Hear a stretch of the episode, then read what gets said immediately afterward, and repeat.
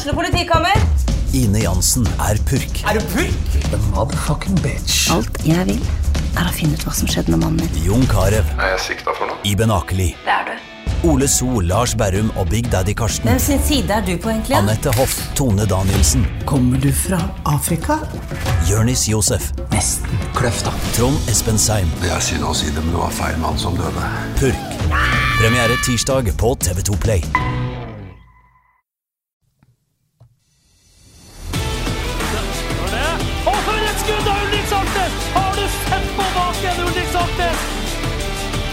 Så er det skåring, og så skårer Bodø-Glimt.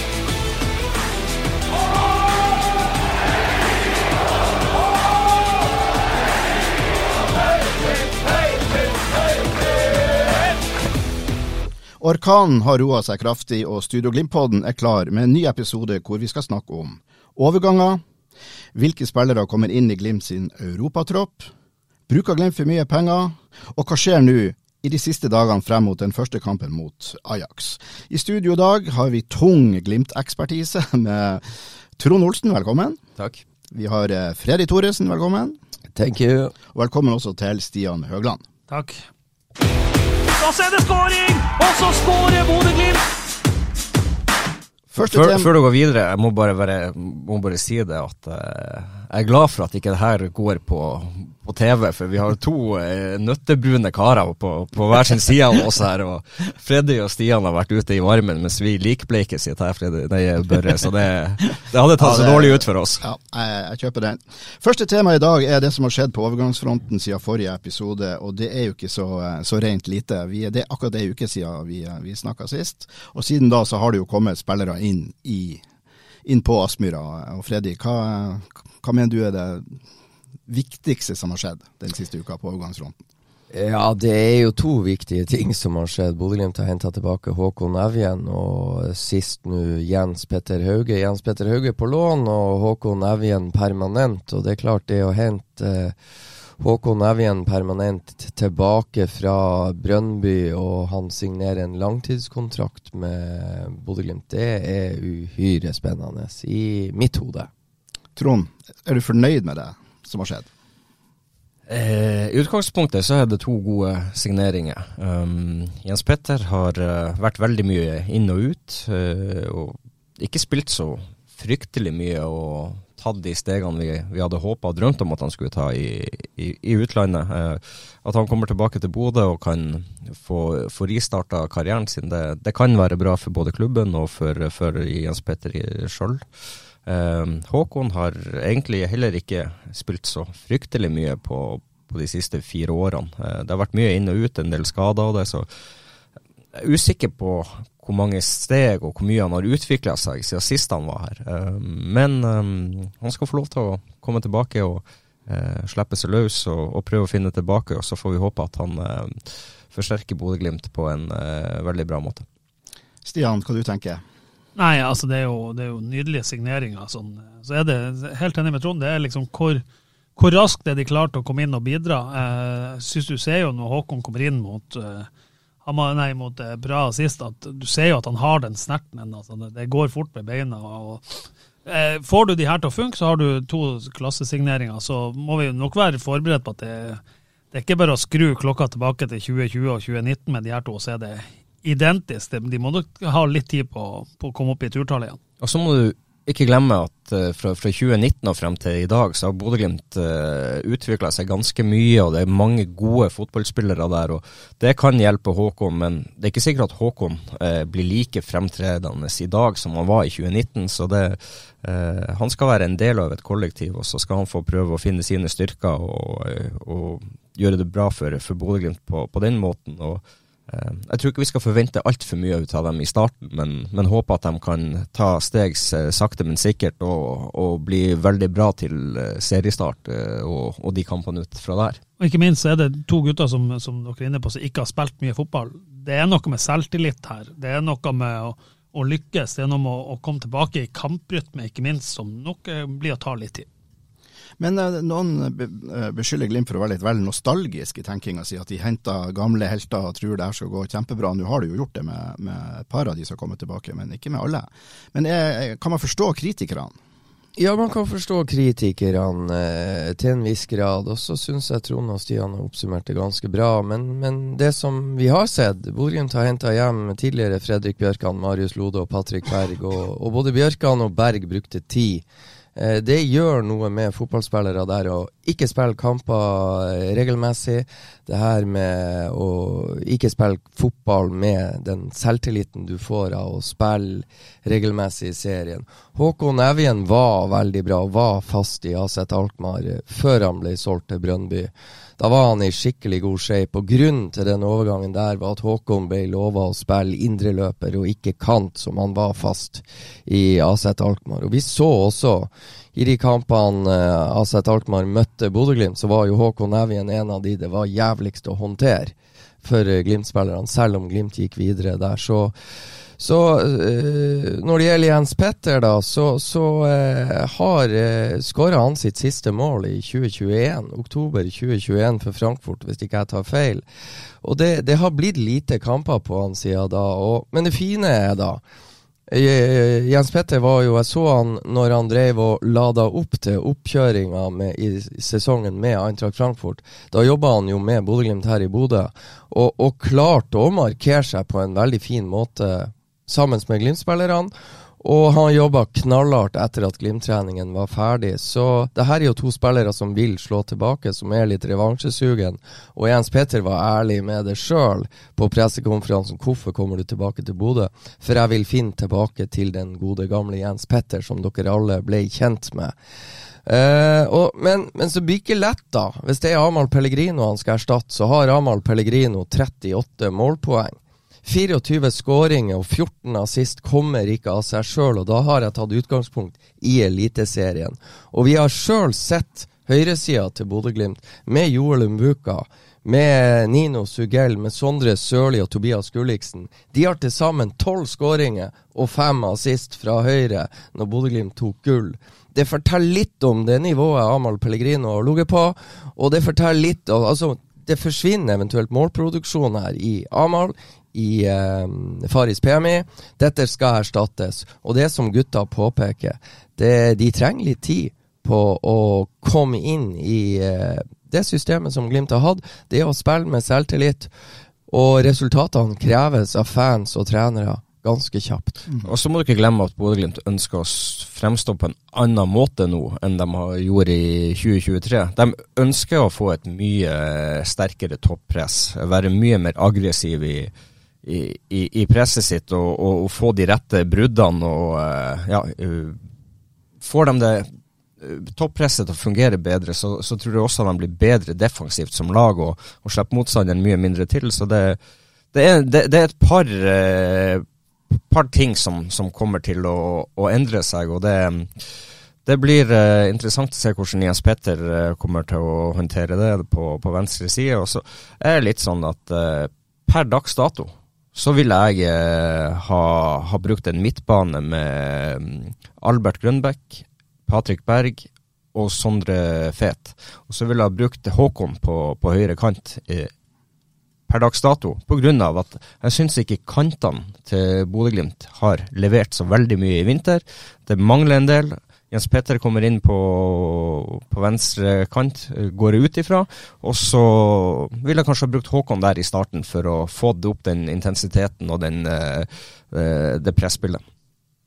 Ja, så var jo spørsmålet eh, pengebruk, og, og eh, Ja, Glimt bruker penger, men eh, det er klart de er blitt så gode nå at skal de ha de spillerne eh, skal de, skal, de, styrke elveren sin, så, så er det ikke like lett å foreta sånne kjøp som, som de gjorde med Faris PMI, at de hentet han for tre-fire mil fra, fra, KBK. Så er han her i ett år, og, og de selger han for 90, og, og, og mer blir det vel etter hvert som han kommer i gang i Frankrike. Så de kjøper i hvert fall trygt. De vet hva de får, de vet, og, disse spillerne som kommer hit, vet også hva som venter dem. og så og Når det gjelder penge, pengebruk her, eh, så er det lettere å lese klimaet rundt Håkon Evjen-overgangen enn lånet på Jens Petter Hauge. For spørsmålet er jo hvor mye av lønna Jens Petter Hauge har i Frankfurt. Er det faktisk Frankfurt betaler?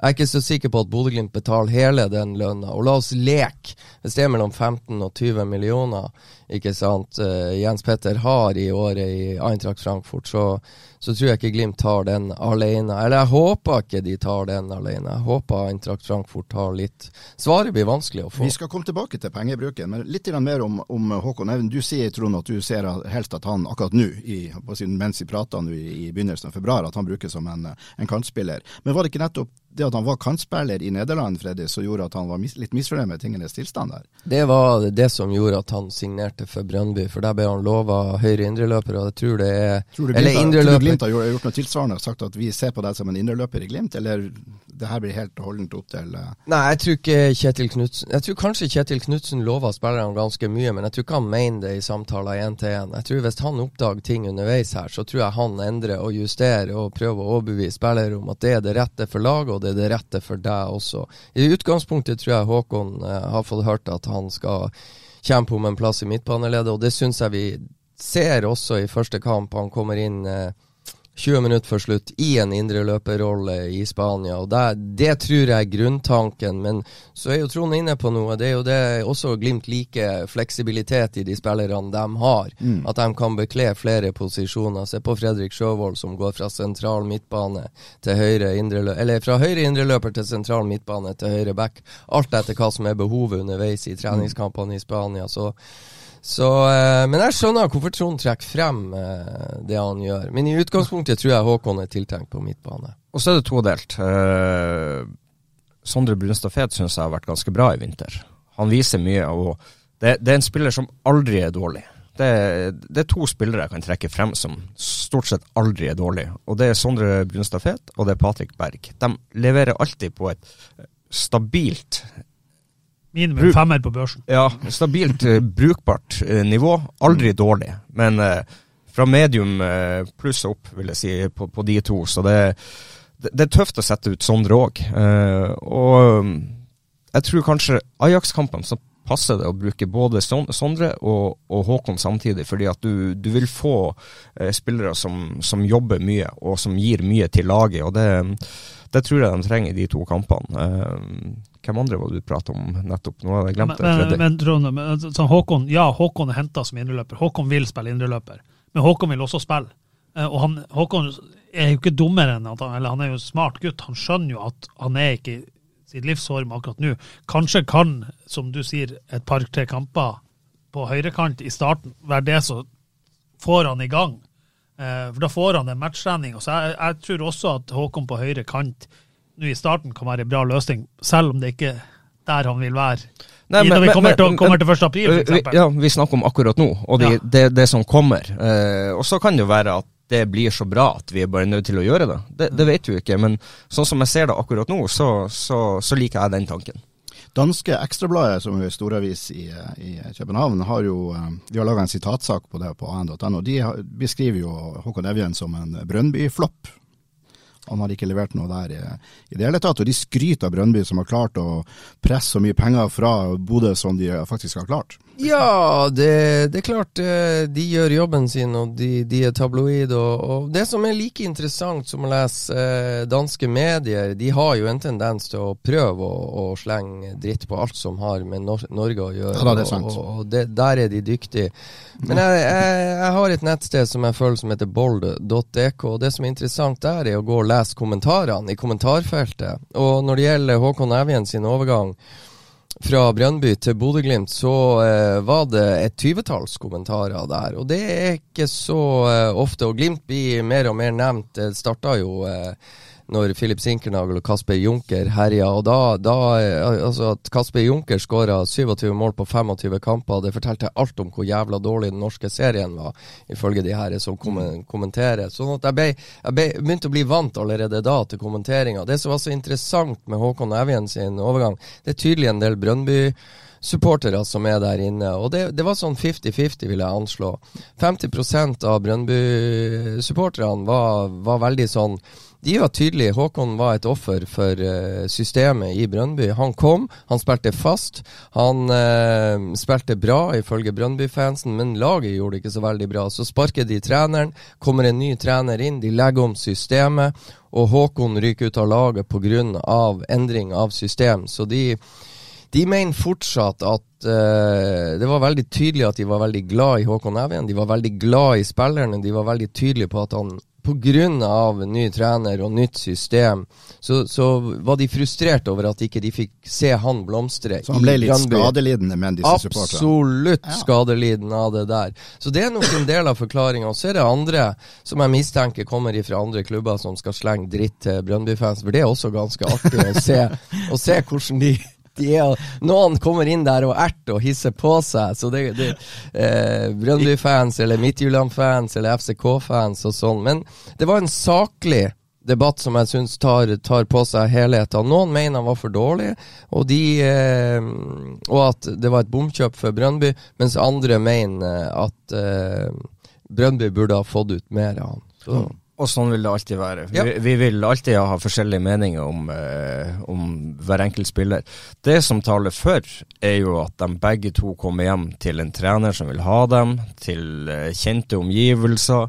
Eh, og så vil de få tilliten og tida av Kjetil, det, det, det vet vi jo. Og, eh, den tryggheten de vil få her, vil jo være noe som er positivt for dem, fordi at de kan eh, levere på et ikke fullt så høyt nivå som de kan i en periode, til det begynner å fungere. Og de vil, vil kunne slippe skuldrene litt ned for å, for å, komme inn i det, og det, det er jo fordelen her. Og så er det jo klart, Børre. altså du, Boldot, eller det, eh, ja, Boldot.dk. Ja, altså, altså, klart de har jo rett, i, som hvis du ser ren fakta, så har jo Håkon Hevjen en flopp i Danmark. Altså, det, men, men, eh, men eh, det er jo bakenforliggende grunner til det. Men hvis du tar ren statistikk, han var ute av laget og var nesten ikke inn på banen i de siste kampene. Selvfølgelig var det ikke en suksess. Det, det, hadde, hadde, vi skulle ha kommentert en spiller i, i Glimt med den uh, track recorden, så hadde vi òg kalt han en flopp. Vi har sett Håkon Evjen og Jens Peter Hauge i Glimt-drakt, og det er vi spent på. Annen, et annet navn som har vært nevnt under siste uka, eh, og som har også vært kobla som en del av hele det som har skjedd nå, det er Amahl Pellegrino. Uh, Nå er det ikke noe bekrefta overgang uh, til uh, USA for, for Amahl. Ennå har vi sett fredag 2.2 på formiddagen. jeg vet ikke, Freddy, hva, hva tenker vi der? Ja, hva tenker vi der? Jeg har jo en mistanke om at uh, Glimt, uh, Glimt, Glimt bekrefter at de har akseptert et bud fra San José Earthquakes, klubben til Mike Brown.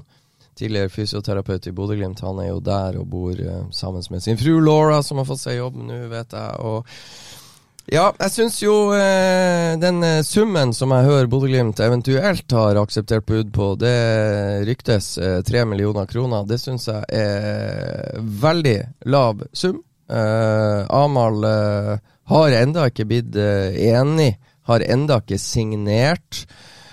Vet ikke helt hvorfor det der drøye ut. Så jeg er jo spent på om Amahl Pellegrino er på Glimt-trening når vi kommer opp etter å ha spilt inn pod. Men, eh, men, ja, han er linka dit. Eh, klubbene er enige. Spiller har ikke signert. Og skulle gjerne ha vært inni hodet til Amahl Pellegrino og, og visst om han egentlig har lyst til å være i Bodø og, og kjempe om å spille seg inn i Champions League og være med på det gule eventyret som eh, ja, Tror du det kan være en, et mulig utfall av det her? At han rett og slett, at det ikke blir noe overgang for Pelle? Ja, det tror jeg akkurat her jeg sitter nå, i og med at det der eh, Jeg trodde i utgangspunktet at eh, Pellegrino ønska seg et lite eventyr utenlands, og, og eh, eh gjerne så lukrativt som overhodet mulig. Jeg er slett ikke sikker på at det, det, det tilbudet fra San Jose som er på bordet, er tror han har fått tenkt seg litt om, så, så tror jeg òg at det frister å, å være i Bodø. Uh, og jeg tror uh, en av grunnene er at uh, jeg tror den, av, den, overgangen her, som, som jo ble rykta ei lita uke i Spania, den, den, kunne vært gjennomført allerede. Så derfor tenker jeg det er litt sånn ugler i mosen her, og kanskje ting vi ikke vet. Mm. Eh, hvis det skulle vise seg da at det allikevel ikke blir noen overgang for Pellegrino, og vi har også, da har vi Jens Peter Hauge og Pellegrino og Og Jens Petter, Jens Petter Speil, høyre, høyrekanta, så løser det problemet òg. Jeg tror, jeg tror ikke det er så, så enkelt. Jeg tror uh, akkurat der så tror jeg Jens Petter er bedre til venstre enn han er til høyre, og det er akkurat det, det samme som det med Amal. Det er litt uh, i måten du spiller på, på de forskjellige plassene. Eh, når du spiller med høyrefota ute til venstre og eh, får lov til å utfordre innover, så og, og du kanskje har mer styrker på å være den som utfordrer og har ball og dra av folk, så, så er det lettere på mange måter å spille til, eh, til venstre. Og det er lettere å komme inn på avslutning. av det. Hvis du setter Amal til høyre nå, så vil ikke han komme like ofte i de gode posisjonene for å sette han opp i langhjørnet. Det, det vil du knapt nok se, tipper jeg. Og så er det en annen ting, Børre. Det er jo det at de, de her eh, nyhetene om at eh, Jens Petter Hauge inn og Amahl Pellegrino ut, altså det er jo ting som tyder på at Glimt ønsker da å å selge eh, Amahl Pellegrino og ønsker Jens Petter inn da. Det er det Bodø-Glimt så for seg. Eh, de her tingene hang litt sammen. Nå er den ene realisert, og, og Amahl Pellegrino er fortsatt Glimt-spiller. Så om, om det er et sånt eh, forsøk på å presse Amahl ut, eller eh, at Glimt ønsker eh, å, å bygge nye Glimter uten Amahl Pellegrino. Det, det, no, noe forteller meg at det ligger noe der, men, men eh, sant? foreløpig så er han fortsatt Glimt-spiller. Og det blir interessant å se om han er på trening i dag, og, og, og hvordan det eventuelt blir da, hvis ikke overgangen til San Jose realiserer seg. Og det kan også ta sin tid, for det overgangsvinduet til USA vel ikke, lukkes vel ikke før i mars en eller annen gang, mener jeg. Ja, det, det er nettopp åpna, og det tar lang tid. Så per definisjon kunne Amahl Pellegrino uten problem spilt begge kampene eh, mot Ajax for Bodø-Glimt, og, og forsvinne videre til MLS uh, i etterkant. Det hadde vært uh, uproblematisk. Så nei, det blir spennende å se. Du snakka om, eh, jeg vet ikke om det var bevisst eller ikke, men du sa eh, nye Glimt. Som å bygge opp, bygge opp nye Glimt. Hva du, Ja, hva du det jeg, legger det jeg legger i det, er jo det at eh, Kjetil Knutsen har jo vært krystallklar. Han har vært nådeløs. Det var ikke mye med 2023-sesongen i, i evalueringa internt i Bodø-Glimt de på trenerkontoret var fornøyd med. De ønsker å, å endre litt eh, eh, spillestilen, og, og ønsker å, endre måten de har framstått som lag på, spesielt i, i presset offensivt. I, Det som Trond var innom i, i sted. De, Ja, de, de ønsker, del- ønsker å finne tilbake. Ja, ønsker å finne tilbake til, til det de ble kjent for i 2020, med en del justeringer, ikke sant. Og, og det, vi har forklart det i podder tidligere. Så det er helheten. Det er jo en av grunnene til at de henter ønsker seg Håkon Evjen og Jens Petter Hauge. Forholdsvis fotrappe spillere som har løpskraft, som er villige til å jobbe begge veier, og, og, og spillere som sprenger, og spillere som terroriserer motstanderen, og spillere som er aggressive. Og ikke sant, endringer bakfra, at midtstoppere som kommer og, og, skal støte og stå offensivt. og og, og være enda tøffere i trynet enn de har vært i det defensive forsvarsspillet. Stå høyere i banen og ikke bare stå, stå og være quarterbacker og, og igangsette bakfra.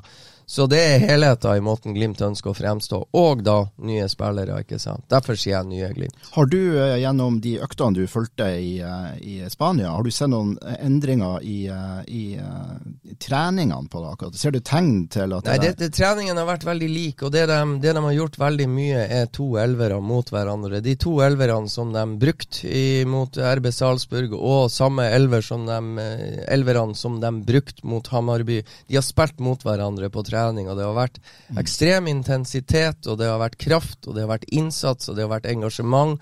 Spillerne har vært påskrudd. Det har vært helt egentlig enkle Glimt-treninger. Og, og eh, spillerne begynte etter kampen mot Hamarby å røpe at nå begynte de å bli eh, Altså, Patrick Berg røper at han, han har ikke mye sprut i kroppen.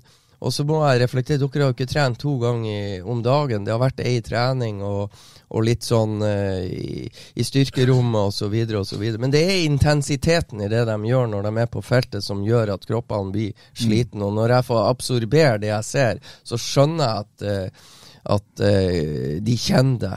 Og det var en sliten gjeng som satt på flyet. Jeg syns de var fantastisk å se på første 35 minuttene Ja. mot Sparta Praha. De, det var en av midtstopperne, en dansk midtstopper, som et stykke ut i andre omgang ble bytta ut, og så bare Og det er jo, han, han er dansk og skal gi noen eh, gloser til han som kommer inn ikke sant, bak mål, for å være vennlig. Og det skjønner jo jeg når det går på engelsk. They are kill, fucking killing us, sier de på stillinga 2-0 til Sparta Praha. Så det var bare en sånn grei beskjed fra den danske midtstopperen til de som var kommet inn, at de, de må bare skjerpe seg. They are fucking killing us. Jeg må si, sett, sett fra, fra eh, Thailand i kampene. Altså, Glimt kunne jo ha skåret 15 mål i, i Spania. Det, det, det, mang, det som mangla, var jo det siste eh, killerinstinktet for målet, siste pasninga, siste avslutninga. De skapte jo sjanser i bøttevis. De kunne ha leda 2-0 mot Salzburg etter fem minutter. Eh, De kunne også ha ligget under eh, 6-2 til pause, altså, men, men, men eh, jeg møtte en, eh, en spiller i går eh, på, på Gardermoen som eh, sto i samme flykaos som meg, som var på vei hjem, og han, han sa jeg syns vi har vært steingode i Spania. Hva han heter Fredrik André? Nei. Ikke. Det, det var det ikke. Er det anonym? En anonym Ja, spiller? jeg skal ikke navngi okay, Ok. skal ikke navngi en matchvinner mot Hammarby, men eh, men, eh, men, okay. Men, men, men, eh, men han syns at de har vært veldig veldig gode i det de har gjort i, i Spania. Ja, og, og, og de har det, og så er jo eh, Det er klart. eh, jeg skulle ha likt å se de kampene der med eh, Nikita Haikin i mål i alle kampene, og jeg skulle ha likt å se dem med en eh, topptrent Kasper Høeg eller en eh, Faris Pemi Monbanya i den formen han var rett før han ble tatt ut til sin første Kamerun-tropp. Eh, for, eh, for det er klart, uh, Bodø-Glimt har spilt mot eh, solid internasjonal motstand, og eh, ja, skal ikke si de har spilt uten keeper og spiss, men eh, det er ikke førstevalgene som har stått i mål. Og- Temaet akkurat nå, Freddy, er jo overganger. Vi snakker om overganger, og vi har Er ikke Faris PMI en del av Jo, og da er spørsmålet mitt, når vi hører at vi har så mange sjanser, men vi skårer så lite mål.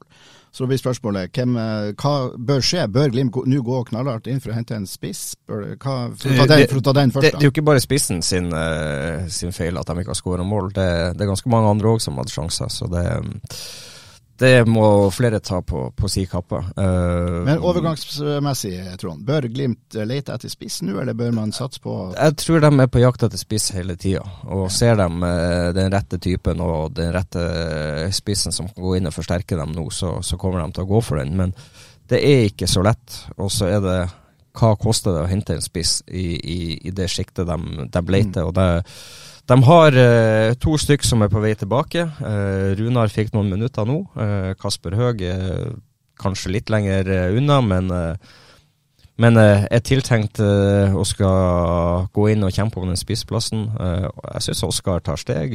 Ja, han har enda et stykke igjen, men han må få lov til å, å få lov å spille de kampene og, og få kjenne på det og bli, bli mer vant med det. Og så må må du huske at det er ganske mange mm, forskjellige relasjoner i, i, i laget som har gjort at de har jo ikke spilt med det antatt beste laget til, i, i, til hver tid. Så det, det har litt, litt å si, det også.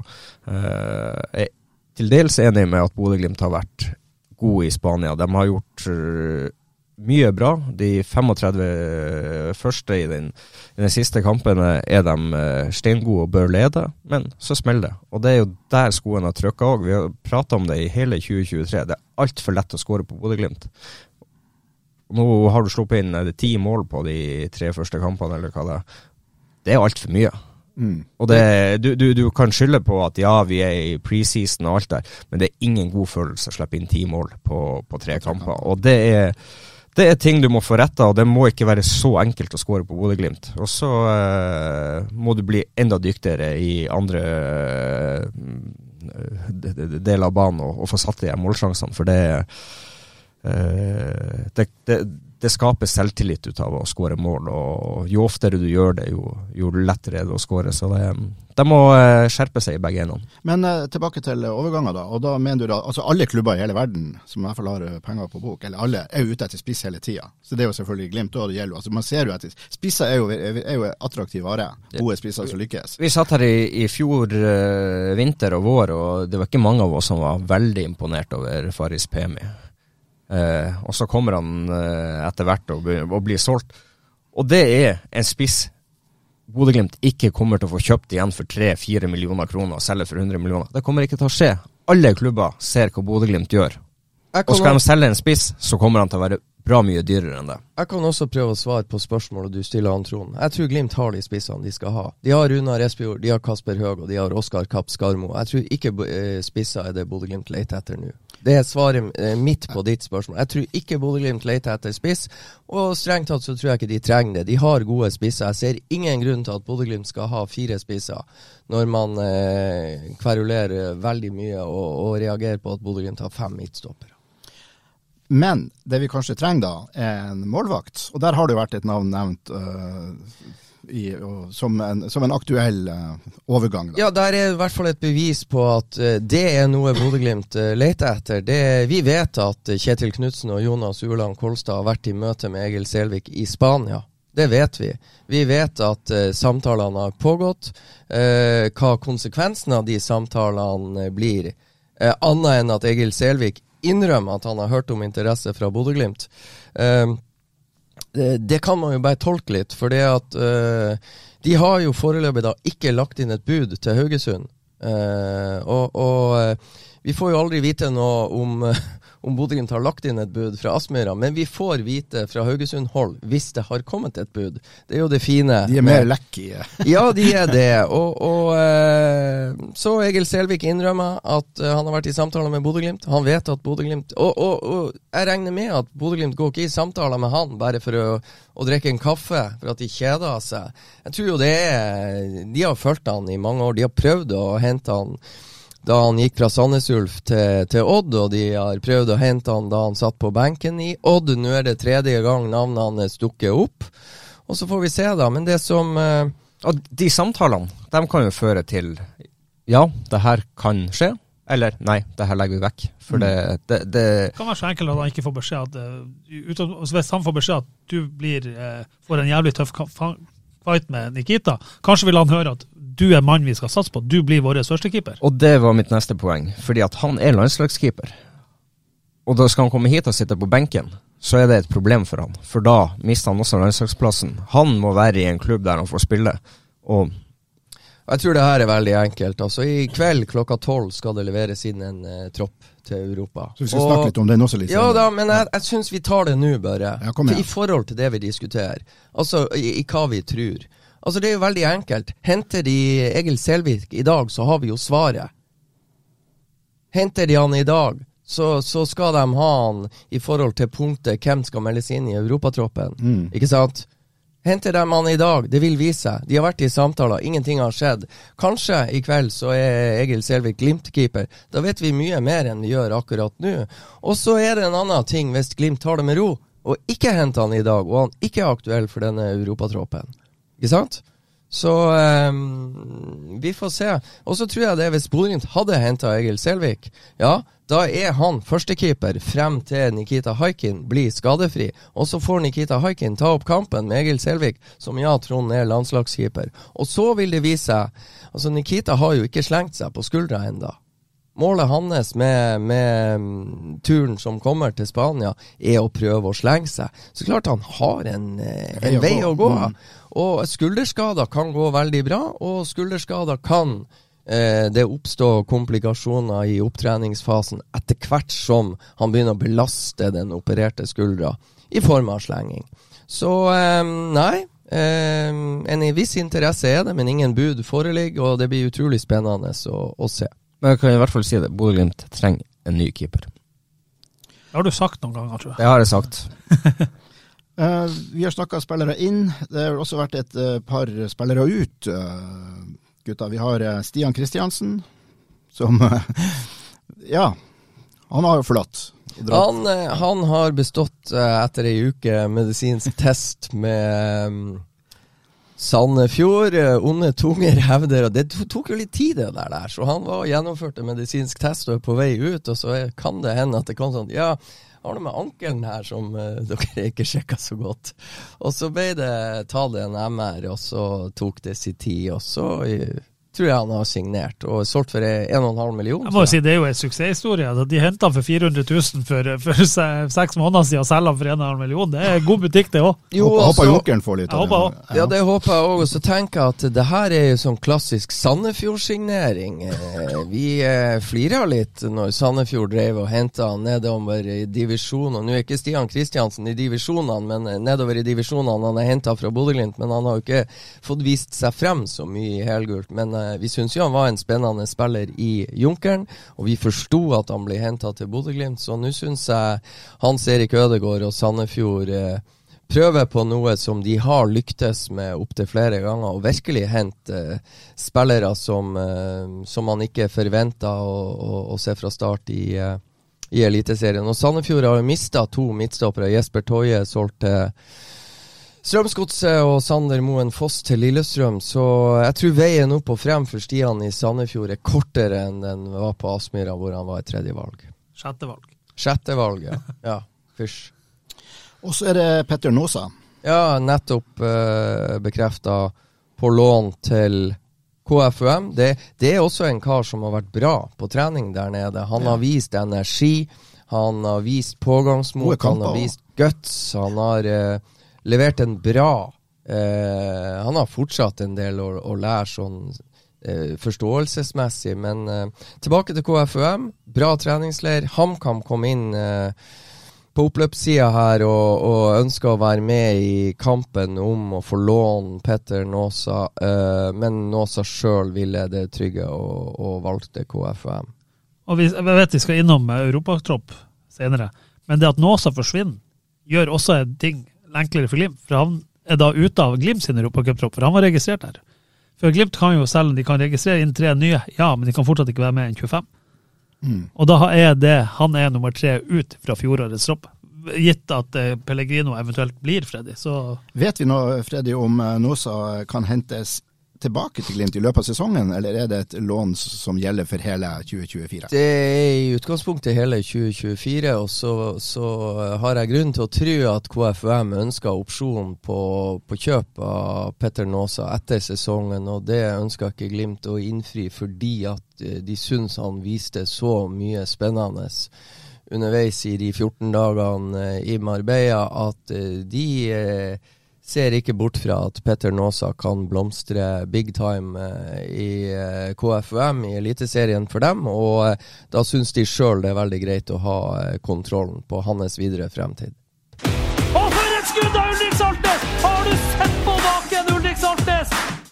En god halvtime med overgangsprat der. Gutta, nå skal vi se litt på Europatroppen. Og det som er det faktiske forhold der, det er jo da for de som er nye eh, tilhørere av podden, så er det da sånn at eh, Glimt kan skifte ut i sin europatropp, kan de skifte ut tre spillere. Sånn i sånn røffelig. Altså i utgangspunktet er det sånn. De kan i hvert fall melde på tre nye navn, Tre nye og, så, navn. og så vet vi at Bodø-Glimt er jo mye bedre stilt enn det har jo vært eh, runder her hvor fem i elveren har forsvunnet ut eh, til Europa, og, og, og om ikke fem og seks og syv, ikke Mm. sant, forsvinner ut, og så får de kun lov å putte inn tre. Den situasjonen er helt annerledes nå. Nå er det annerledes. De får fortsatt lov å putte på eh, tre nye navn i tropp. Det er greit, men de har jo mye, mye mye bedre kontroll over de de har mista. Ja, For de som er ut ifra de som er registrert nå, er jo Morten Hognes Konradsen, det er Petter Nåsadal, og så er det jo Faris Pemi Momagna. Det er de tre vi vet er ut. Og da er det jo eh, Resten av troppen er, er jo ikke noen ut. Og da er det liksom ikke Da må du ikke Holdt på å si i fjor, altså mot Lech Poznan, så var det jo De var jo 16 stykker. Eh, altså, for det var jo, som Freddy sier, det var skader. Du hadde folk som var eh, solgt, ikke bare i elveren, men også det forsvant jo folk, Anders Konradsen la opp, ikke sant? folk i troppen forsvant ut. Du var 16 stykker mot Lech Poznan, du kunne være 23. Det er klart at eh, de, Det var vel et par kamper Freddy, vi så på høsten, eller en gang de, de hadde skada spillere på benken bare for at det skulle ikke se så jævla tomt ut. Ja, og det, og det er ikke kødd. Bodø-Glimt hadde Sondre Brunstad Fet, Morten Ågnes Konradsen og en til på benk, eh, ferdig skifta. Vi visste de var skada, men de satt ferdig skifta på benken bare for at det ikke skulle se teit ut. Og det er i kamper mot AZ Alkmaar og den slags, tror jeg. Ja, jeg tror du har rett her. Så, så situasjonen akkurat nå, Trond.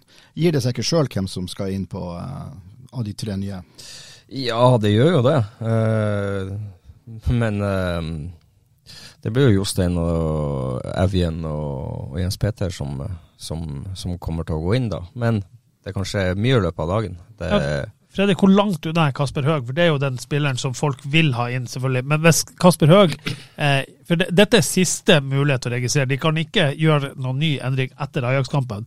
Eh, hvor langt unna Hvis, hvis Glimt skulle være heldig å slå ut Ajax, vil Kasper Høeg kunne være aktuell da? Ja, altså, da vil jo Kasper Høeg være mye, mye nærmere. Jeg tror, Kas sånn som det, det, det virker, det, det, er realistisk for Kasper Høeg å, å, å, å, være på en måte kampklar akkurat til eh, Ajax-kampene, tror jeg. Men det er forskjell på å være kampklar og, og, i form. Altså, det er jo Siste kamp han spilte, var vel 28. juli mot Molde.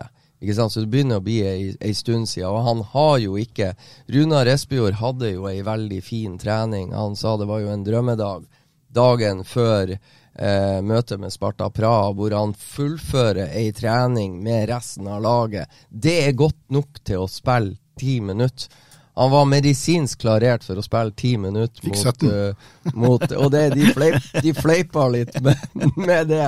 Ja, Morten Sørgaard har sagt du får spille ti minutter, og det ble 17. Og Kjetil Knutsen sto som en dritunge og, og, visste at han måtte inn på kammerset og diskutere de syv minuttene med Morten Sørgaard, som, som, det tok etter at de ti minuttene til Runa var, var, var gått. Så jeg tror uh, ikke Kasper Høeg er rea, uh, reelt sett uh, i spill for å, å, bli meldt inn i, i Ajax-troppen. Men det kan Runar si. være. Runar er med. Runar, han, han, er påmeldt fra før. Han, han ja, men jeg tenker også er faktisk spill. Ja, ja. ja. Så, så jeg syns på en måte Jeg prøvde jo å gå og, og, og Når ikke Glimt-ledelsen ser det, hør med Runar, hør med Kasper Høeg hvor de ligger an, og, og de er veldig hemmelighetsfulle. Men det, det, er ingen tvil om at Runar er et, et stykke foran Kasper Høeg i, i, sin opptreningsfase. Og, og, eh, men hvor mye? Er det snakk om to uker? Er det snakk om tre mm. uker? Det var jo der jeg prøvde å å finne ut av ting, men det er ikke så godt å si. Altså. Så, så, jeg tror det er noe Det ser veldig kontrollert ut og fint og kraftfullt ut, det Kasper Høeg er å gjøre alene med Einar Hauglie, og avslutte, og, og, og, det ser fint ut. Men så er det de her eh, sideveise bevegelsene og, og, retningsforandringen og den slags som den hofta hans ikke er testa på. Og, og, så er det jo litt sånn at eh, Runar han har jo en ekstrem skadehistorikk. Han, eh, har kommet ganske mange ganger tilbake for å få smella og forsvunnet ut igjen. Så det er, det er jo en viss risiko med det òg. Men um, eh, alternativet er jo da at du må sette ut eh, eventuelt Jostein ut av den, eh, den, troppen. Og det er jo Er det det de ønsker? Jeg tror, jeg tror, primært de vil gå etter spiller, friske spillere inn i stallen, og derfor så syns jeg forslaget på Jostein Gundersen, eh, Jens Petter Hauge og Håkon Evjen virker fornuftig. Og så er det vel sånn, Stian, at Omar El Abdelaue er ikke i troppen. Han er ikke i troppen. Og, og, og det er jo òg en som ikke sant, uh, har vært med, har loggført alle treningene. Jeg vet ikke hvorfor han ikke var en del av troppen mot Sparta Praha, men det tegnet der med at uh, Omar, som er innmeldt i tropp eh, på formiddag før kamp, Eh, og så blir han da utmeldt av tropp når klokka blir 15.30 og kampen i Spania skal spilles mot Sparta Praha. Så jeg tror jo at uh, Omar uh, heller ikke uh, på en måte aspirerer, og der har de nok backup da i form av Fredrik Sjøvold på høyre back. Jeg har jo vært i kontakt med Glimt i dag og spurt om de har bestemt seg hvem disse tre er, og, og svaret der var at det har de vel ikke helt, eller de har det nok, mest sannsynlig, men klok av skade, så melder de ikke inn før fristen er. For i fjor så skulle de jo gjøre det rett etter en kamp i Spania. Eller før, egentlig. Og så ble Fredrik Arne Bjørkan skada, så de måtte gjøre ei en endring. Så de skal ha med seg dagens trening og se at uh, bank i bordet at alle kommer seg helskinna gjennom dem før de eventuelt begynner å melde inn. Ja, på den lista sto Fredrik André Bjørkan. Han skada seg mot Wiborg, tror jeg. En kraftig strekkskade. Og Fredrik André Bjørkan røk ut, og Adam Sørensen røk inn i de siste timene før den lista skulle registreres. Jeg tror vi tok bilde på hotellet sånn i titida på kvelden. Mm. At de da, da. Nei, ja, For Uefa skulle ha portrettbilder av alle som skulle inn i troppen. Ja.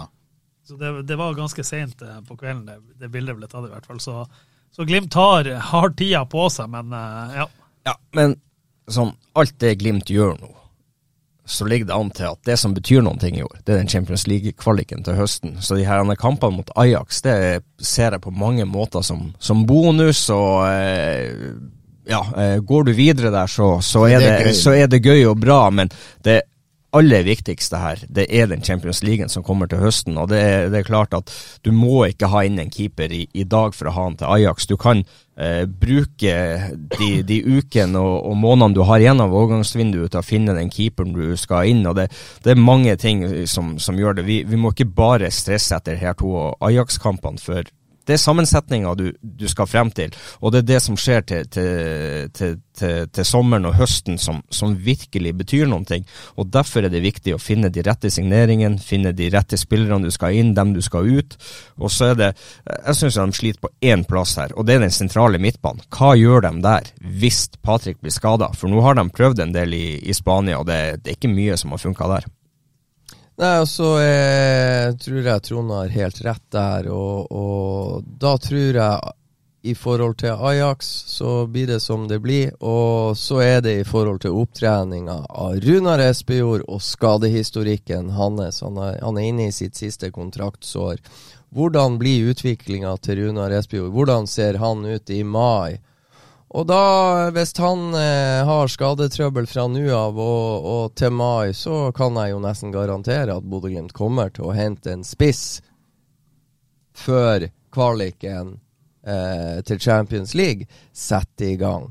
Eh, så, og, og, da vet vi også litt mer om hvordan Kasper Høeg ser ut. Så til spørsmålet om spiss Trond sier Glimt ser etter spisser hele tida.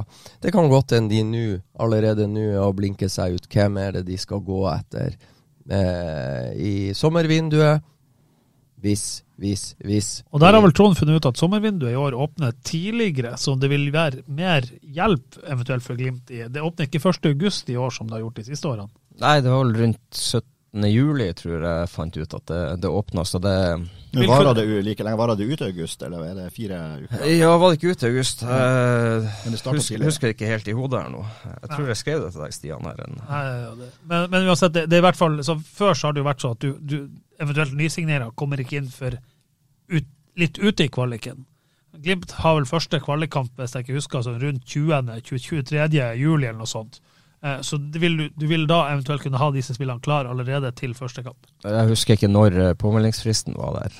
Det er alltid et par dager før. Ja, så da, Ganske tett opp til. Ja. Mm.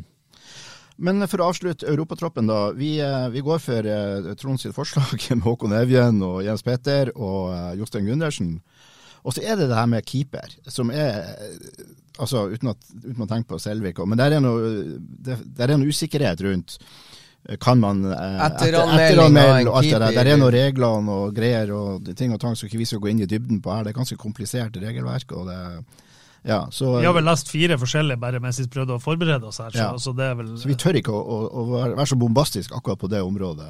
Men det er vel ting som tyder på at hvis langtidsskade på keeper, over, altså over 30 dager, så kan du at any time gjøre en endring. Eh, og så er det liksom hvor mange, hva har du? Eh, men det er ikke helt låst i en keeperposisjon hvis Nikita er ute kjempelenge, at de ikke kan gjøre noe etter fristen i kveld.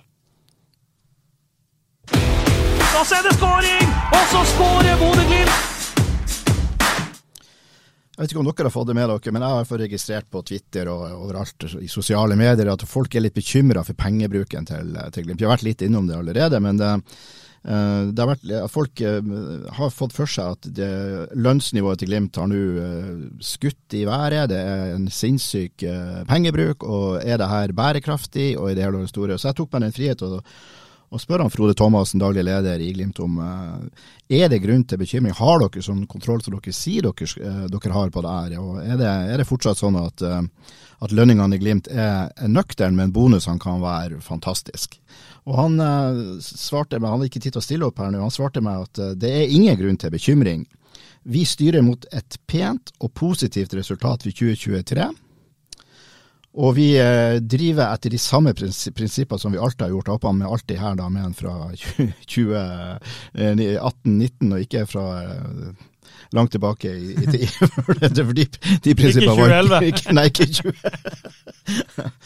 Så han, han betrygger oss med at det er en, en balansert drift, og de har kontroll på inntekter og utgifter. Jeg tolker han også sånn at det betyr at om nå Glimt da et år Eh, ikke skulle ta seriegull, ikke kvalifisert til Europa, så skal det fortsatt være drivverdig det de, det de holder på med på Aspmyra.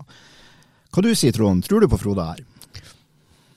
Nei, er at de bruker mye penger, og at de øh, øh, At det går ut mye, det, det gjør det. Og, øh, det er jo greit hvis du har penger. Ja, og de selger for gode summer òg. Og så er det jo hvor, eh, hvor, god kontroll de har på det. Og det, det er et helt annet spørsmål som, eh, som, er vanskelig å svare på.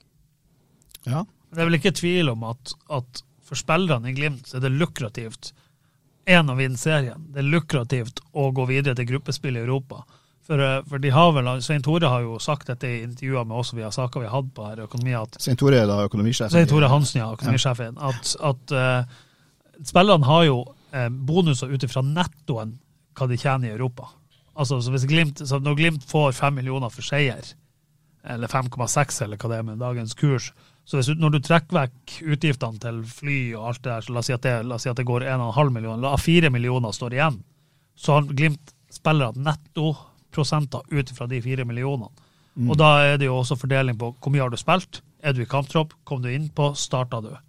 Eh, og det er klart at det er lukrativt. Det så man jo på skattelista, at det at Glimt har spilt i Europa er lukrativt. Så vil det jo være, jeg håper ikke vi finner ut med det aller første, men det vil være interessant å se hvordan er lønnsnivået den dagen Glimt ikke har disse bonusene og spiller, spiller, La oss si at det blir fjerdeplass i serien og ikke gruppespill. Mm. Men så kan du jo si det sånn, det koster penger å hente Jens Petter hit. Det koster penger å hente Håkon hit. Det koster penger å hente Patrick Berg tilbake, Fredrik André og Omar. De er ikke gratis. Og, eh, og Lode, nevnte du. Ja, Lode sa vi ikke, men, ja. men, det koster penger. Men hvor mye penger, det vet vi ikke. Men eh, ja. Hvor mye betaler Nordlandsglimt av f.eks. sign-off eller lojalitetsbonus? Jo, jo da, alt det der, men til syvende og sist så er det noen spillere som har den lønna. Og det er, det, det er jo der det ligger. altså. Du kommer jo ikke tilbake hvis du har ti millioner i, i, en annen klubb og så får en halv million. Det skjer jo ikke. Det, det hadde jo ikke det hadde jo ikke en vanlig mann i gata heller gjort. Du har jo ikke gått fra, fra en ok jobb til en veldig veldig mye dårligere betalt jobb. Så, så enkelt er det jo. Mm. Så det er vel, når du var i Glimt, Trond, så hvis du tar vekk eh, sign-off i lojalitetsbonus, så var vel topplønna 800 000 ca. Vel, vi kan vel slå fast at den er høyere i dag? Det, det fantes jo ikke bonuser på, på, på oss da. Altså det, det, var så vidt det var sign-on-fee, og det var Nei, jeg tror ikke jeg hadde Da var det 20 trekk i lønna hvis dere røkka ned til Obos? Ja, minimum. Det er det sikkert mm. nå òg, forhåpentligvis. Ja. Nei, men altså, e, eksempelet er jo Bodø-Glimt hadde vel i 2023 et budsjett på rundt 140 millioner, tror jeg de skulle strekke seg til. Da har de jo i det budsjettet henta hjem Marius Lode, Fredrik André Bjørkan, Patrick Berg og det lønnssystemet som de har i inngangen til 2024. La oss være enige om det. De hadde budsjettert med fjerdeplass i serien. De hadde budsjettert med ingen spillesalg. De hadde også budsjettert med ikke å komme inn i Europa. Det budsjettet hørtes jo Altså, det er det høyeste som har vært i klubbens historie. Eh, det håndterte eventuelle lønninger til Patrick, eh, Fredrik André og Marius, og de har henta dyrt tilbake til norsk fotball fra utlandet. Og så viste det seg at de selger Hugo Vetlesen, som de ikke har budsjettert med. De selger Jolumvuka, så de ikke har budsjettert med. De vinner serien, så de ikke har budsjettert med. Og de går inn i Europa, så de ikke har budsjettert med. Så svaret til Frode Det blir jo spennende å se hvor hyggelig resultatet for regnskapet 2023 blir, når de presenterer det på årsmøtet til klubben. Og så hevder han vel at de styrer med det samme, sånn cirka de samme summene inn i 2024. Samme prinsipper. Så, eh, men eh, og så er det en ting som forvirrer meg. for jeg ser Håkon Evjen, ikke sant. Eh, jeg har sett at han koster 28 millioner norske kroner. 28,5 millioner norske kroner. Og så ser jeg en annen plass at han koster Bodø-Glimt 18 millioner danske. Og 18 millioner danske er ikke 28,5 millioner norske. Så det, det, er jo litt forskjellige summer ute og går i forhold til hvem du leser. Så jeg skulle jo likt å visst hele sannheten her, hva, hva Bodø-Glimt henter Håkon for. Det er vel grunn til å tro at de henter han for ca. det samme som de solgte han for til Aset Alkmaar. Det hadde, vært, det hadde, vært, interessant med eh, om det har vært litt større transparens rundt det her overgangssummene. Hva dere finner ut? 28,2 millioner, så det er langt unna 28,5. Oh, ja, så 18 millioner danske er ja, det, ja da, da, da, er vi nemlig. Det er ca. 1,6 du ganger. ja. Da er, det, da er det høyt, altså. Det, for å si sånn, det blir dyrt å være på ferie i Danmark. Ja, ja, ja. Nei, men da, da, da betaler de mye. Da er vi oppe i sånn Albert Grønbæk-summa. Da men vi ser ved Albert, ikke sant. De takker nei til et bud på, på 100 mil. Så eh, vi får se da utviklinga mm. til Håkon. Men jeg påstår at det, det, er jo rimelig trygt, for de vet hva de får. Mm. Eh, og, og, de forventer at han skal ta steg her. Og så får vi se om Amol og Joni har rett. Du dobler verdien innen et år, Håkon. Men, men så må vi også huske på, eh, med at du henter tilbake alle de her spillerne, det er ikke like lett å få solgt dem ut igjen det er ikke sikkert at du, du klarer å, å, selge de her spillerne eh, på nytt. og det, det gjør det jo litt vanskelig hvis du skal bruke dem i, i, mange år fremover, og du ikke får inn noen nye som blir eh, salgsobjekter. Så det, det, er en litt sånn en tøff balansegang. For når du har vært ute i utlandet, og du har vært i flere klubber, og du havner tilbake i Norge igjen, så ser klubbene det, og da det gjør det det der eh, nåløyet for å komme seg ut igjen. Det gjør det litt, enda litt trangere. Jeg syns litt du ser det nå. Sånn, vi har jo en spiller som er, spiller fast for Norge, Patrick Berg. Syns det har vært ekstremt stille rundt han, hvis du tenker den sesongen han leverte på Norges beste lag i Europa og spiller bra for Norge. At det ja, Greit, Glimt er god til å holde tett, men det nu, hvis det har vært masse bud på Patrick Berg, så tror jeg jo det har kommet ut på et vis. Ja, det tror jeg òg det hadde gjort. Årsmøtet i Glimt skal være i begynnelsen av mars, og om en 14 dager, tre ukers tid, så er vi lovt å få se de eh, årsmøtepapirene. Da er de ferdigbehandla i styret. Og det blir veldig artig å se hvordan, eh, hva resultatet er for 2023. Det er uhyre spennende. Men også hvordan budsjettet de, hvordan budsjettet de legger opp med for 2024. Eh, ja, så, så, er det en ting som ble sagt her, jeg tror det var Stian. Det er klart eh, bonusene til spillere eh, i forhold til brutto, eller var det netto? Netto, netto, netto, netto i Europa. Hva de, hva de, spiller inn. og det, det, er klart det koster svimlende summer å være med og konkurrere på det her nivået. Det koster å spille bortekamp i, men, men, i Tyrkia. Men de, de bonusene ligger vel heller ikke inne i budsjettet. Det er jo noe som kommer utafor, eh, hvis jeg ikke tar helt feil. Ja da, det, for det, det, det, gjør det jo, for det er jo resultatbonus, og Glimt har jo ikke resultat holdt på å si mål i, i gåsøya i, i, I budsjettene. Nei, og det er også, som du er inne på, at i år, Champions League-kvaliken, så har Glimt budsjettert med at de taper Q2 i Champions League, de taper Q3 i Europa League, og de taper playoff i Conference League. De holder å vinne én kamp i år, så er de sikra et nytt gruppespill og da minimum 30 millioner på bok hvis de, hvis, hvis de går inn i Conference League. Og så er det jo mange mange, mange doblinger hvis du går i Champions League. Der sa vel Tore Bjørseth Berdal eh, at de regner med snittutbetalinger i nye Champions League-formatet kommer til å være 400 millioner. Så ja. Da er det skåring! Og så skårer Bodø-Glimt!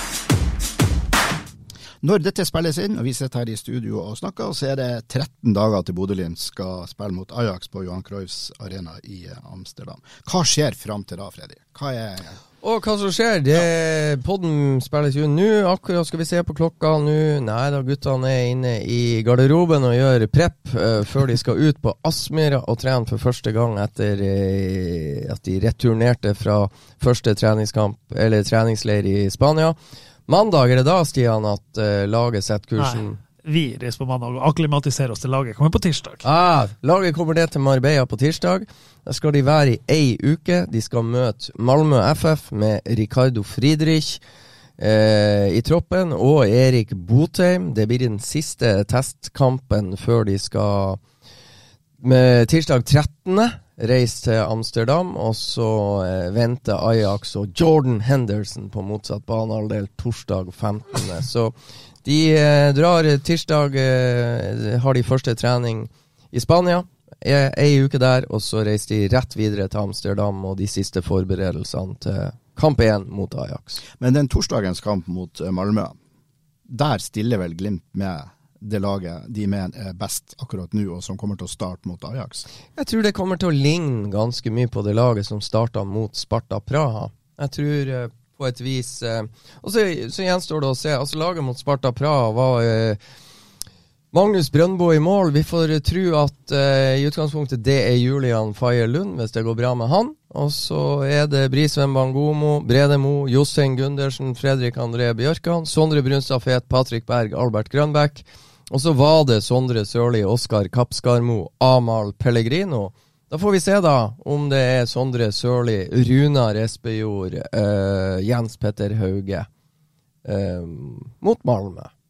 Du har glemt Håkon Evjen. Håkon. Eh, ja, jeg tror i utgangspunktet jeg har glemt Håkon Evjen. Jeg tror Sondre Brunstad Fet er i elveren. Jeg tror ikke Håkon Evjen er Du har ikke glemt han i det hele tatt? Han bare satt han ut. Jeg har satt han bare på benken. Satt han på, på, benken. Eh, jeg tar utgangspunkt i uh, de x-ene jeg ser etter. Du har jo sjøl, satt ikke du og skrøt av Sondre Brunstad Fete at han har vært Du må jo høre med din egen argumentasjon, Trond. Ja, ja, det er Brunstad Fete og Patrick Berg. Jeg bare, jeg, jeg bare ser hva du har glemt.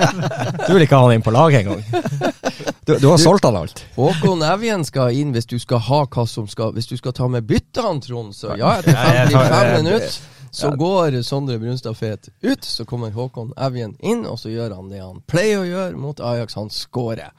Uh, I, I, normale år, sagt, i de tidligere år, så har jo Glimt vært lenger på, uh, i Spania på treningsleir før. Uh, og Denne gangen valgte de å reise hjem etter 14 dager, sånn cirka, og så ta ei lita uke etter, etter at uke hjemme. Hva er bakgrunnen for det? det jeg, jeg bakgrunn nummer én, det har ikke vært covid, som det var første gang de var fem uker. Ja. Bakgrunn nummer to, jeg tror de vil ta hensyn til familie. Jeg skulle si det på en helt annen måte. Det har blitt pult for mye i Bodø-Glimt. Sånn at det er blitt for mye fedre, så de vil ikke borte i en måned lenger. Ja, men det kan jo gi positiv effekt, det.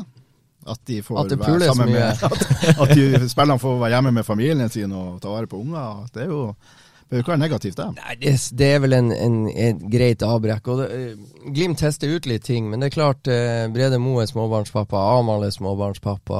Ulrik Patrick. Ulrik Patrick, ja, og Julian Faye Lund og, og Sondre Brunstad Fet skal bli pappa. Marius Lode skal bli pappa. Og, men så Ulrik var jo kreativ. Svigerfamilien hans har jo hus i Marbella-området, så, så, fruen som er hjemme i mammapermisjon, tok jo med seg lille Gullet og, eh, og var i, Spania underveis. Og det var vel grunnen til at Stian traff Ulrik på, på, flyplassen i går, at han hang igjen et par dager, han nøyt sola. Eh, eh etter eh, treningsleiren. Så, så, brekk opp i hverdagen, tenker jeg er en av grunnene. Og eh, ta hensyn til familiene. Uh, det er trening i dag, har vi hørt. Det, skal det trenes noe mer i helga, eller har de fri i helga også? Nei, de hadde fri frem til i dag. De kom hjem tirsdag kveld, og så hadde de fri onsdag og torsdag. Eh, også eh, den frien var innvilga før Ingunn inntraff, osv., osv. Så, de skal trene i dag, og de skal trene lørdag, og de skal trene søndag. Og så har de vel en trening mandag før de setter kursen mot Oslo, tenker jeg. Og så tar de første fly tirsdag morgen. Uh, Meget mulig. Samme prosedyre som da de reiste ned første gang. Da er det skåring! Og så skårer Bodø-Glimt! Vi skal begynne å runde av denne episoden, men jeg tør jo ikke å gjøre det før jeg har hørt om det er noe som jeg har glemt på, på dagsordenen. Er det noe dere tenker vi bør, uh, bør si? Trond, du pleier jo ofte å overraske med en eller annen greie mot slutten. Ja, nei, jeg bare tenker på um, hvor tøft det året her egentlig skal bli. Det, det, er mange tøffe valg for trenerne, og det, det, er mange gode spillere som kommer til å få lite spilletid. Ta og Se på den backrekka, se på den midtbanen og eh, ja, fremover òg. Altså du har en eh, Marius Lode som mest sannsynlig ikke får mye spilletid. Eh, en Bassi, en Gulliksen, en Saltnes, eh, Omar, eh, Sjøvold. Det ja, det, det, er noen tøffe valg som skal ta, og det, det, skal bli interessant å se hvordan de klarer å holde troppen i gang og, og humøret i troppen. For det, det, er noen utfordringer der som, eh, som kan bli uh, kinkige. Men er ikke dette sånn som det skal være i en storklubb? Glimt er jo blitt en storklubb i, i norsk målestokk den desidert største. Ja da, men uh, problemet er at du rullerer ikke så ofte i, i Bodø-Glimt som, uh, som, du gjør i mange andre klubber. Du, er, du spiller ganske mye med den samme elveren, så det Ja, det, vi får se om de har tatt lærdom, og at de uh, gjør oftere endringer fra, fra start allerede. Så det blir interessant å se.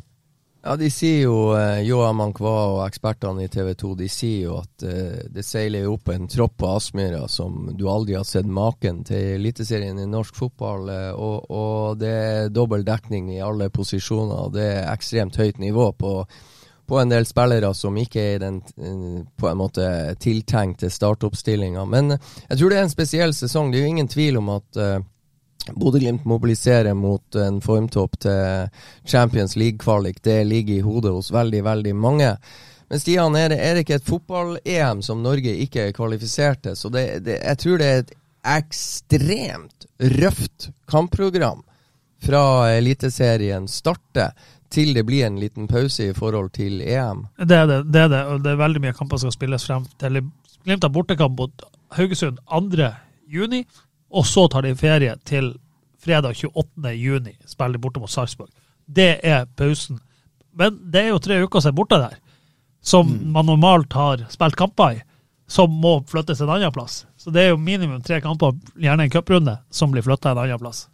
Og, og eh, det gjør, og er det noe jeg har også registrert at Kjetil Knutsen skal ta, ta lærdom av, så, så, er han nødt til å, å, å, bytte oftere og mer. Han ga en del spillere som ikke viste seg å prestere, sjanse på sjanse på sjanse.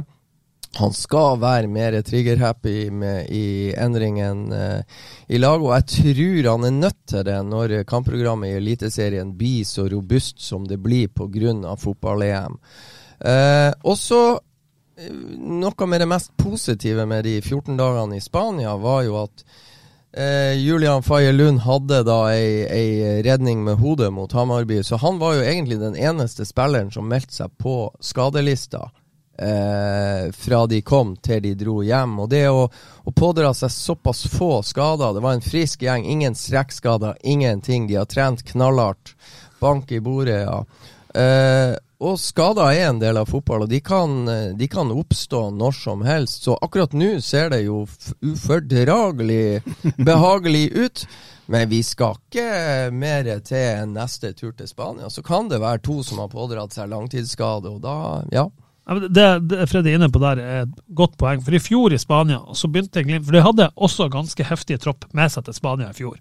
Og da begynte de liksom Jeg har og tenkt sånn som det er nå, med så lite skader. Hvorfor i all verden gir de ikke inn en ekstra treningskamp eh, dagen etter på Malmö eller et eller annet sånt, sånn at du kan la de som ikke har spilt mye, kan få en kamp.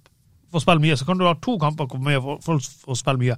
Det planla de i fjor, eh, å legge inn en ekstra kamp i Spania. Da fikk de så djevelsk med skader på slutten av en treningsleir at de, måtte, de, de sleit jo nesten med å stille lag sjøl i siste kamp før de skulle til eh, hjemme og spille mot Poznan. Så, så, det er jo Det tror jeg også er grunn for Jeg mener, jeg og Trond diskuterte litt når jeg var i Thailand, at jeg mener at spillerne sto lengre, tidligere, i disse treningskampene i fjor i Spania enn de har gjort i år. Og det er kanskje en sånn lærdom som de har gjort, at de prøver å ta, det, litt, ta det litt roligere. Yes. Og så blir jo det veldig spennende å se da på hvordan slår det ut mot Ajax, at det er ganske få som har fått stått lenge. For det er jo noe annet å stå 60 enn å stå 90. For mot Ajax så kan du ikke bytte mer enn fem. Mm. Det er helt sikkert. Ja, og, og, eh, og så, er, så, er, det et godt poeng. Det er jo eh, litt sånn nytt territorium for Glimt-trenerne og spillerne å stå i ei så voldsom gruppe med såpass mange spillere. Så, så, så det, det, er jo nytt for trenerne, nytt for alle. Og så er jeg enig med Trond, det blir veldig spennende å se hvordan de håndterer det. Hvordan håndterer en, en, spiller som får litt lite spilletid tidlig i sesongen det? Altså Det er ikke alle som eh, håndterer det like bra som Marius Lode, for å ta ett eksempel. For han fikk jo virkelig en karamell i trynet i Hamarbykampen, hvor han som tre år før eh, på treningsleir samme sted. Bodde på, da bodde vi på Barcelo, og Marius Lode sjekka ut av Barcelo, det ene hotellet Glimt bodde på, og sjekka inn på landslagshotellet Melia, der Bodø-Glimt bodde nå. Ikke sant? Han forlater Glimt-troppen inn i landslagstroppen og debuterer for det norske A-landslaget for tre år siden eh, mot Gibraltar. Eh, en 50 eh, minutters biltur unna der de er. Og nå, tre år etterpå, så er han den eneste spilleren som ikke får lov å, å entre matta mot Hamarby. Det er jo et knyttneveslag i trynet. Men hvordan responderer Marius Lode på det? Kjetil Knutsen var veldig tydelig i intervjuet etter uh, møtet med Sparta Praha. Jeg kan ikke lukke at øynene for det jeg ser på trening. Han skryter hemningsløst av Marius Lode, hvordan han har stått i dritten, bidratt inn i gruppa, vært en positiv kraft. I tillegg til å spille godt på trening. Jeg er nødt til å gi han sjansen fra start i andre omgang mot Sparta Praha. For hvis jeg skal holde det jeg har lova, at eh, det er på treningsfeltet du kvalifiserer deg, ikke sant? Og da er det Marius Lode som får lov å spille i andre omgang mot eh, Sparta. Mens Isak Amundsen Sier ikke at han har vært dårlig, men, men eh, Knutsen vil honorere Lode. Da må Isak vente på sjansen å komme inn i, i midtbaneleddet. Så, så um, det er mulig å stå i dritten og vente på sjansen. Og det verste av alt, jeg syns Lode klarte seg bra, selv om jeg så kampen i sånn, sånn helt nede ved jeg syns også, Lode gjorde en, um, en, en, bra figur i, i, de 45 minuttene han fikk. Men la, la, oss nå si da at Patrick Berg, Albert Grønbæk og Håkon Evjen er de tre på midtbanen. Da har du en Saltnes, du har en Sjøvold, du har en uh, Gulliksen, du har en Fet. Du har noen gode spillere? Du har noen gode spillere.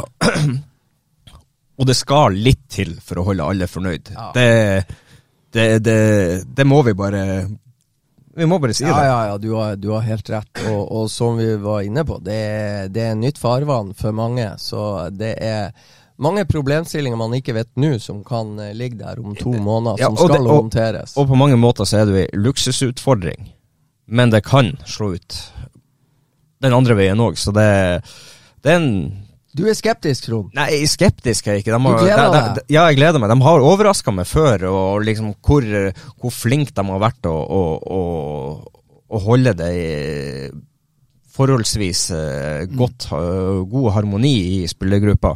Men det, det, begynner å bli ganske trangt om, om plassene. Og for enkelte som har spilt veldig mye, som nå begynner å havne ut av kanskje mye spilletid, det kan bli ei uh, ei utfordring som, som, ikke trenger å bli positiv.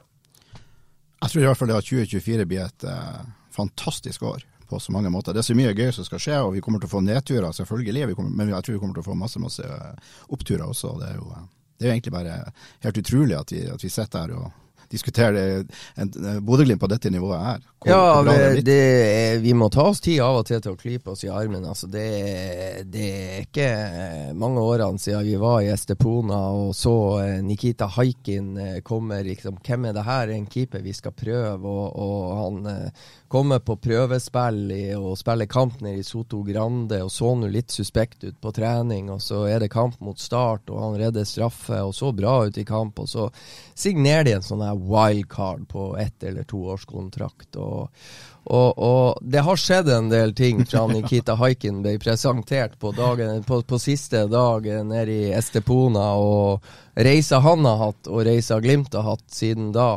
Det, det artige er jo reisa til start, ikke sant, så de møtte i denne kampen. Jeg tror Glimt vant 1-0. Nikita laga straffe og redda straffe. og hva har skjedd med Start siden da, og hva har skjedd med Bodø-Glimt siden da? Det er to forskjellige verdener.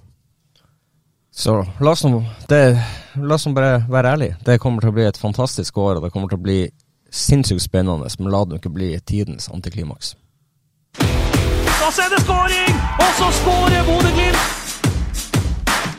Det var det vi hadde i denne episoden av Studio Glimt-podden. Nå skal Freddy og Stian, jeg vet ikke om du også Trond, kanskje skal på uh, Aspmyra for å overvære dagens uh, treningsøkt? Det, Skal jeg svare på det? ja, det skal du. Jeg har ikke bestemt meg ennå. Nei, ok, du vurderer det. Vi er tilbake med mer Studio Glimt-pod til uka, og før den siste tenniskampen torsdag 8. februar mot uh, Malmö. Tusen takk for at du hører på. Og for et skudd av Ulrik Saltnes! Har du sett på baken, Ulrik Saltnes? Og så er det skåring, og så skårer Bodø-Glimt!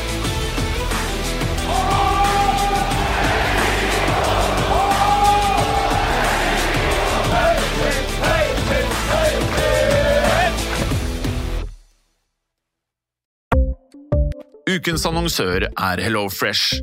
HelloFresh er verdens ledende matkasseleverandør og kan være redningen i en travel hverdag. Mange av oss har nok vandret i butikken både sultne og uten en plan for middagen, som ender med at vi går for de samme kjedelige rettene gang på gang. Middag burde være dagens høydepunkt. Som HelloFresh kan du nå velge mellom 25 ulike retter hver eneste uke, eller få HelloFresh til å sette sammen menyen for deg. Dette gir deg muligheten til å prøve nye og spennende retter alene eller sammen med familien. Du velger antall porsjoner og får alt levert på døren på et tidspunkt som passer for deg. Oppskriftene er enkle, og maten er lett å lage både for store og for små. Ved å få alt levert hjem får du også mer tid til å dele matgleden med familie og venner. Kanskje det frister med asiatiske tacos eller greskinspirert kylling? Da kan jeg anbefale deg om å gå inn på hellofresh.no. Her kan du bruke koden FOTBALL og få opptil 1779 kroner i rabatt på de første fem matkastene hvis du ikke har prøvd HelloFresh tidligere. Du kan også bruke rabatten hvis du har vært kunde og stoppet abonnementet ditt for tolv måneder siden eller lengre. Gå inn på hellofresh.no og bruk koden FOTBALL. Har du et enkeltpersonforetak eller en liten bedrift? Da er du sikkert lei av å høre meg snakke om hvor enkelt det er med kvitteringer og bilag i fiken, så vi eh, gir oss her, vi. Fordi vi liker enkelt. Fiken superenkelt regnskap.